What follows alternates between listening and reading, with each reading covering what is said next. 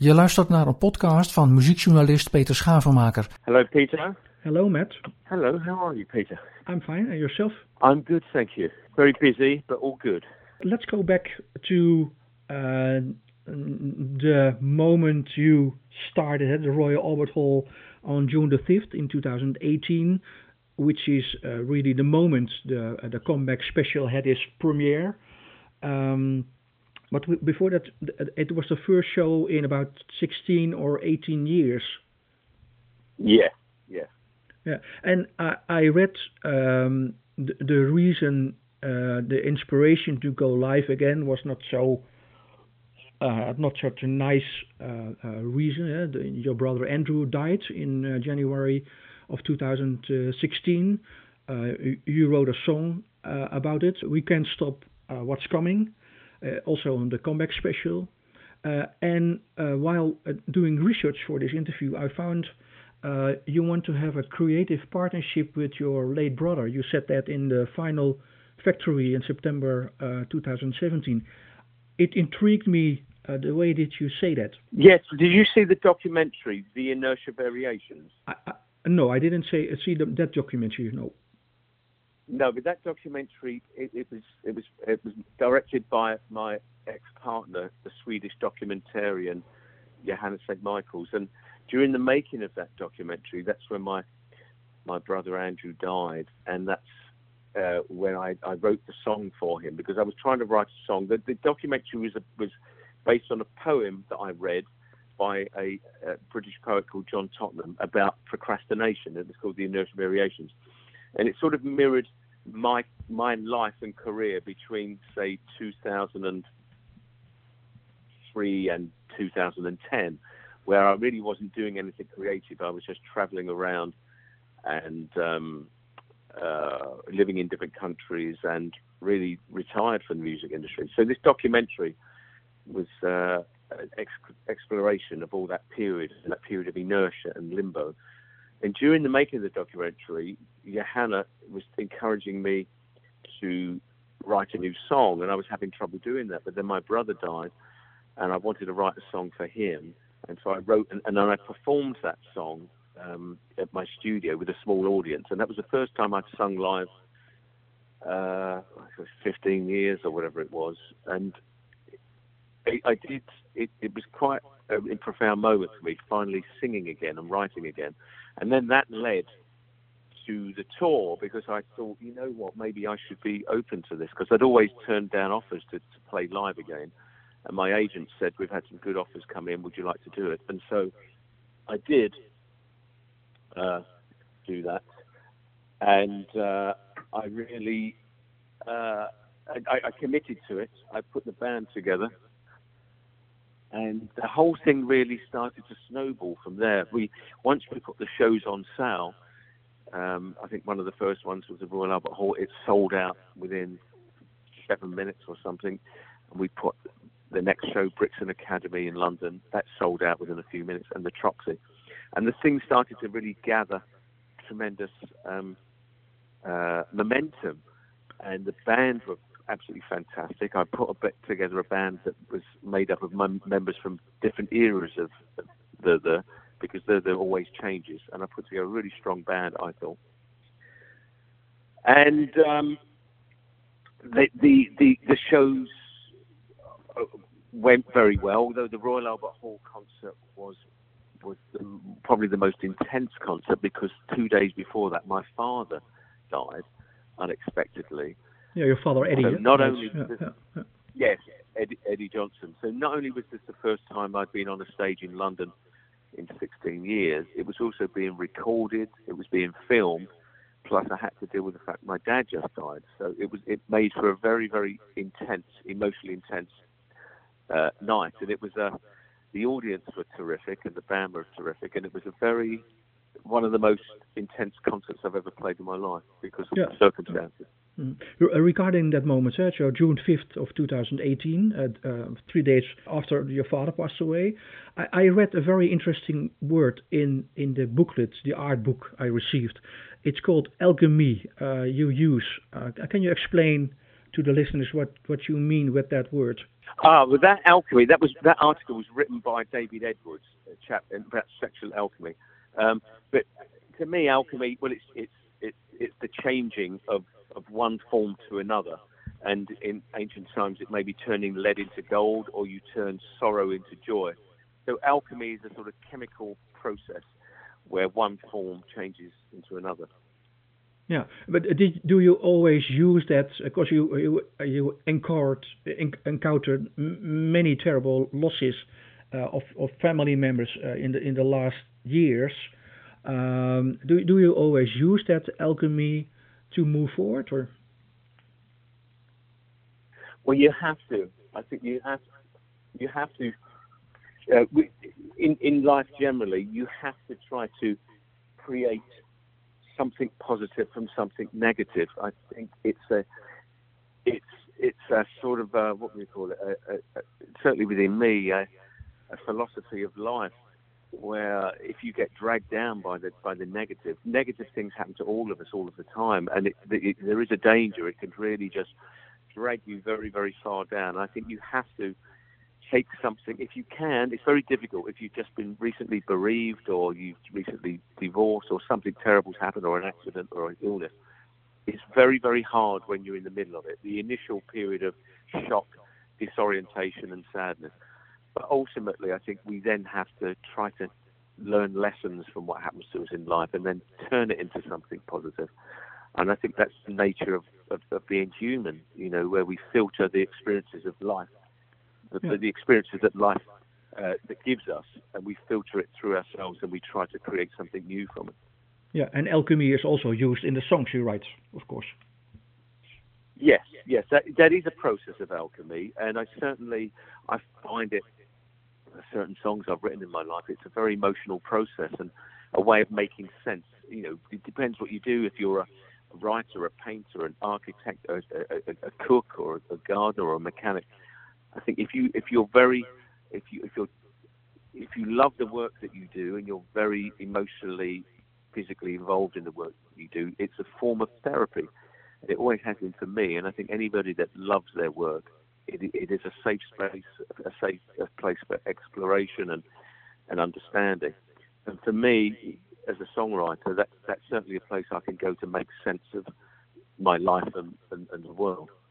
Yeah, except the uh, comeback special, the, the, the live tracks, uh, and also the 136 page art book, there's also a six disc edit uh, uh, on which I, I, I heard the conversations by candlelight, in which you uh, talk with Tim Pope, the director. What I understood is during the concert, uh, at one moment, an image of Andrew is projected behind you and that was an idea of yeah. Tim. You you talk about oh, yeah, that yeah. in the in the conversation uh, by candle by candlelight with uh, Tim.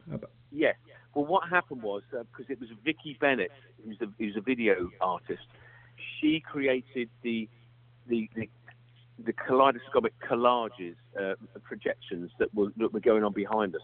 And what I did, I provided her with a lot of material, not only old the, the videos, but Super 8 footage from my life, and my family uh, uh, bring, bringing up. And so she created these lovely footage, but there were these coincidental moments. Uh, I think it was during Love is Stronger Than Death, where suddenly Andrew or my dad or my other brothers would appear on the screen uh, behind me. And it was very important to have them there. Um, I had a very close family, and you know, I collaborated. I worked with obviously Andrew and my younger brother Gerard, Eugene, who another brother who died. He used to work for me.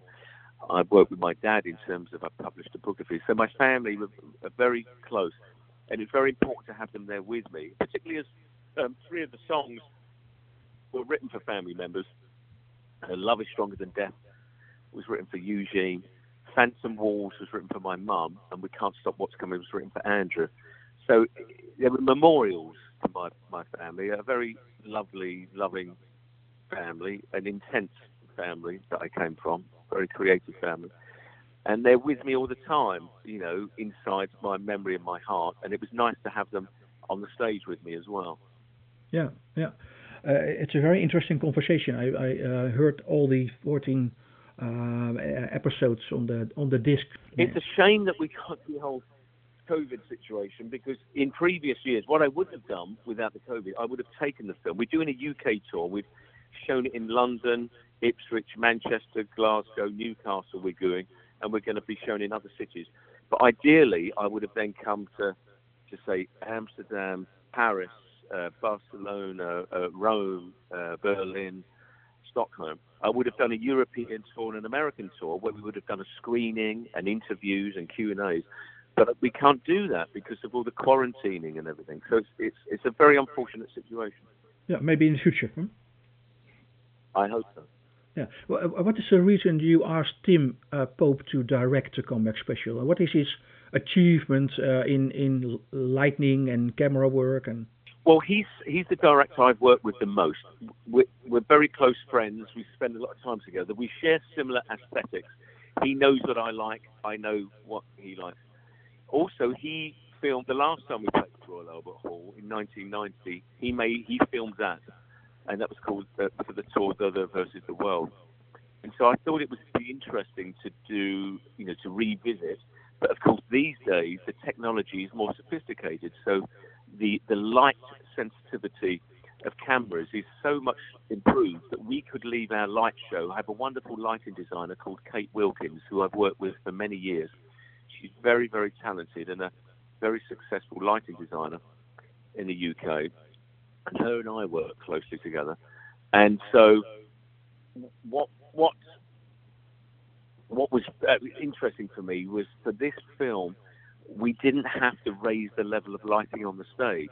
So Tim could work with the lights that Kate designed, and it created, it made the film uh, more atmospheric. And I, what I also like about Tim is he works with a very good crew, and they're very discreet. So the band and myself on stage, we're not really aware of the of, of being filmed, and because he filmed it quite intimately, you you get a sense of almost being on the stage with the musicians. It's it's very close and very tight. Yeah, I, I read and did after research I, I found out he, he allows the viewer to move on stage as a ghost. It's an inter- interesting yes, way of saying love, it. Yeah. Yes, I, that's and that was Peter Feeder said that, and I, I I really thought that was a great way of observing it because you almost he's almost in between the musicians, so you it's very skillful the way that he did it and directed his cameramen. You do feel as if you're a, another person on the stage, invisibly walking amongst the band members. Je luistert naar een podcast van muziekjournalist Peter Schavenmaker. Uh, uh, uh besides uh, uh, uh, writing songs as dedications for your lost family members, you also in the in the in the period you you did a tour, the sabbatical. you also did some film scores and photographs. And what did that bring to this comeback special? What what's the inspiration you can hear in the comeback special of those years? Um, I don't think this. this I, I, do a lot of film soundtrack work, uh, but I don't think that necessarily impacted the comeback special. But the most the most important thing that impacted the comeback special was just being older and, and life experience. You know, I've, I've lived in a few other countries. I've lived uh, in America, Sweden, Spain, as well as the UK. Um, I've had a lot of life experience in terms of, you know, obviously the sadder aspect of life, like bereavements but also the joyous aspects, being a father. Um, I, I, I, I'm a quite a sociable person. I know a lot of people, and I, I, I, like doing a lot of things and traveling a lot of things. So at my age, I think it's life experience, um, huge ups and downs in my life and in my career, and I think that I hope that it, it brings a certain humility uh, compared to say how I was when I was in my 20s or 30s. I think I'm a much more, um, uh, what would I say, uh, calmer, more thoughtful, experienced person. And I think that life experience, bringing that to, you know, my voice, I think has developed. Is stronger than it used to be. And the, the, the strange thing was is that I, it's almost like I've grown into some of the songs. Something like "This Is the Day" that I wrote when I was 21 is more relevant to me. And singing that on stage in you know in my late fifties, uh, it felt more relevant to me. So that was something that surprised me that the songs still felt fresh, not only to the audience but to me as a singer. So I was pleased about that. I felt I could sing them with real sincerity and conviction because they still felt relevant. Yeah. yeah. Can can you say the circle of your life defines your return in that sense, or? Uh, yes, I, I, think so. I just it did feel that's how it felt. Um, it felt particularly going through the preparing for the tour and going through the catalogue, songs that I wrote as a teenager up to songs that I wrote in my 50s, late 50s. It felt like a really good career overview and quite a what can I say? Um, it, it it did feel almost circular, and even the even the set list we start with Global Eyes, we finish with Lonely Planet. There's a sort of circular element to that. The song, the set was divided into uh, three parts, like a three-act play. We had political, emotional, metaphysical, and then there was the encore, of course. But things did feel very uh, balanced and in symmetry and had a nice natural um, progression to them somehow. So you could say it was quite circular, yeah. Yeah, yeah. You just, uh, I just wanted to ask about the song list, uh, the, the defined in political, emotional. So, so the reason is to have a, a balance in in songs. When, why you did that? Yeah, yes. Well, it was tricky because I've got a, quite a large catalogue, and so um, obviously I couldn't play all my songs, so I wanted to get a balance between the different albums. I wanted to represent the earliest albums, such as Burning Blue Soul, all the way to Naked Self, and, and in fact beyond Naked Self to uh, uh, uh, the trilogy album. Yeah. And so, how to make sense of all that? Um, I tried different things, and, and I don't know how it struck me. I thought, well, why don't I compartmentalize the song so with the political right at the front, so it makes a strong statement as soon as we come on the stage, and then we would have uh, the, the, the the emotional, the metaphysical, and more philosophical more philosophical songs come later. So it was how do I tie in songs that are spread across a 40-year career? One thing, obviously, is this particular band that I put together. They filtering it through this particular band uh, set of musicians gives it a certain coherence because sonically it the, the songs will sort of match in a certain way. But I also needed to figure out a way of um, putting them in a set. I, it could have been random, or I could have done it just concentrate each album and done it chronologically. But I think this way made more sense. The political opens with the uh, Beaten Generation and also has Heartland. Uh, I read it's one of the songs you. Uh, um, uh, you you're very proud of one of the best songs you ever written. I, I think it's about the UK? Uh, the Heartland. Oh yeah, Heartland. I was proud of. Yeah. it's about it's about the UK because it says the land of the red buses, isn't it? Or yes, and the 51st state of the USA. Yeah. Because you have a, a, a quite political uh, uh, song catalog. Uh, do you think the the current political and global situation in the world is an extra motivation for you to raise your voice louder? Uh, yes, it is. We're living in strange times, but the times are so strange if you raise your voice too loud, you get cancelled, you get attacked. Um, because we are living in almost an Orwellian era of wrongthink and and and uh, and just criticizing something gets mislabeled as hate speech. We are living in um, a time that is patrolled by the thought police, and you can see it on social media where people get thrown off. If anybody dares to question the official narrative, particularly something like COVID, for instance, they get uh, chased off of social media and banned. It, it, it's a very worrying time because I'm a believer in free speech and democracy and the exchange of ideas. Um, but we're living in an era where you're not allowed to criticize government policy. And it's insane. And uh, it certainly does make me, it, it, I find it, it does make me want to speak out more because I think we've freedom of speech and freedom of expression is the lifeblood of a democracy. But, we do not have functioning media, particularly in the UK, the US. I don't know about in the Netherlands, and so it's pr- primarily propagandized. And the internet is now becoming increasingly controlled. Uh, big tech in California is deciding who's allowed to speak, who's not allowed to speak, and there's a huge amount of people being thrown off. And it's not extremists. It's just anybody with a, a viewpoint that, that, that, disagrees with the government. It seems to be, but I think it's vital, more vital than ever, that people start to speak out and um, you know stand up and speak out. Yeah. Yeah, but but does it mean eh, everybody who has criticism uh, is getting criticized themselves? Does does it mean you hold back also when you write songs, or do you think I'm just an artist. I, I want to write what I want to write. I don't want to be uh, held up by by that criticism. Does it hold hold you up also, or? Well, I'll find out. I mean, there is a large degree of self censorship that goes on. I think with uh, writers, journalists, artists, because of the climate, and the climate now is kind of starting to remind me of the America in the 50s. You know, with the with the McCarthyism and the witch hunts and the scare, or you had the early days of uh, Nazi Germany. I'm not talking about the later days with the death camps. I'm talking about the early days where books, certain books were being banned, certain people weren't allowed to go to certain places. It's actually getting like that. Um, if you look at what's happening in Australia at the moment, it's out of control. Canada, it's becoming very fascistic.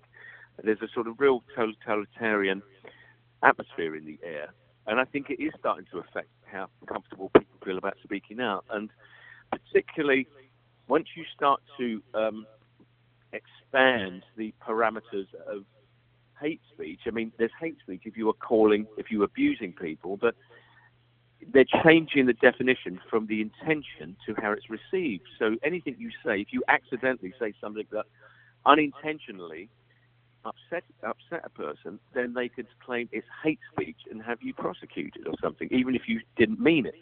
So it's very um, we're living in very complicated, complex times, and it's a bit of a, a minefield how yeah. we navigate through this. Yeah, but by uh, here you find it difficult to censorship yourself.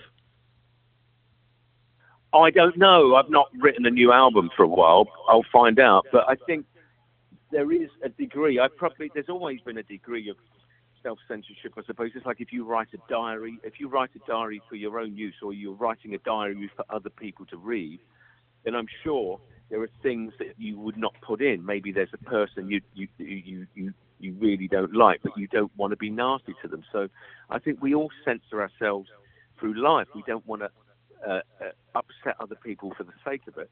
There's certainly things I could say in my social life, maybe to friends or whatever, that I don't say because I don't want to hurt their feelings. So there's always a degree of self censorship. We, you know, with our children, we, uh, you know, I don't like swearing in front of my children, so I won't, I won't use certain language. That's self censorship. Uh, so I, I, suppose it depends on the degree of it. Mm-hmm. Yeah. Are, are, you working on a new album or? Yes, yes. I'm just in the middle of promoting this though, because there's going to be a few months of of uh, promotion and interviews and making sure this because there's a lot of work has gone into this project, and then um, uh, I can then concentrate on the next one. Yeah, uh, when can we expect one? Oh, I don't know yet. I don't want to say dates because uh, it's been so long, and I don't want to say a date and then it gets. It, I don't make the deadline. I just want to have the time to concentrate on it. Yeah, but but that means also the the comeback special uh, uh, gave you also lots of inspiration after so many years to work on new uh, material. Yes, it did. It did. It was great just being in a room with musicians again and doing what I love, and also seeing the audience again. I hadn't seen an audience for 16 years, and to suddenly feel all that uh, warmth and love um, and emotion was was wonderful uh, for me. It was very appreciated. Yeah, I, I read in the Telegraph, the UK paper, James Hall uh, wrote uh, the comeback special is partly a comeback and partly a requiem. Is he right? Yes, I think so. I thought that was a great quote because um, there was obviously three songs that were that were written for my um, you know deceased uh, family members, and obviously the emotions I was feeling that night. I was very close to my father, and so you know there was four four close members of my family and my immediate family really being uh, I wouldn't say celebrated, but I was actually it was it's sort of dedicated to them really. So yes, I'd say it was comeback and requiem. Yeah, and the comeback special is also a part of the the, the changes all the time, uh, and also new work. Uh, it, it's always uh, being a concert group uh, it's changing its repertoire. It's it's that the way you you need to work. Uh, yeah, it depends. I mean, sometimes people I want to work with may not be available, so I then get someone else in in that position, and um, it depends on location. When I was living in America, I had an American band, and now I'm back in the UK. I've got you know uh, two of the band members at least are based in the UK. So it depends on the circumstances. Or I might just meet somebody and then I, I want to collaborate with them. I keep it very fluid, really, and open. There's no strict rules attached to it. Yeah, final question. Uh, there's also a reference, uh, a nod to uh, the comeback special of Elvis Presley. Why, why is that in, in the booklet? Oh, yes. It was tongue in cheek, really. But what it was, the comeback came from when we did, when I did Recounts What's Coming, in the documentary film, my my oldest son Jackson says, "I think it's great. My daddy's making a comeback in honor of Andrew." And in my mind, I thought, well, a comeback has got to be more than just one single. It should be more substantial. And when I decided to do the, the tour, I just thought, hey, how can I? I quite like work under under pressure. I don't really get stage fright or anything like that. I'm not nervous on stage. And I just thought, how can we put even more pressure and focus on this project to motivate us even more. And so it was a tongue-in-cheek reference to Elvis. So obviously Elvis had been away for a while, and he came back and he performed this glorious comeback. And so I thought, wow, let's use that as an inspiration. And it was it was said sort of humorously, comeback special, as a humorous, affectionate nod to Elvis. Thank you so much for the nice talk. I hope you enjoyed it. So. I did. It was lovely to speak to you. You asked very good questions, and you've obviously done your research, which I really appreciate. It's, it's, it makes a difference to have to you know, know that you've taken the time and the effort, and, and that you you really got to know the project. I appreciate that. Je luistert naar een podcast van muziekjournalist Peter Schavenmaker.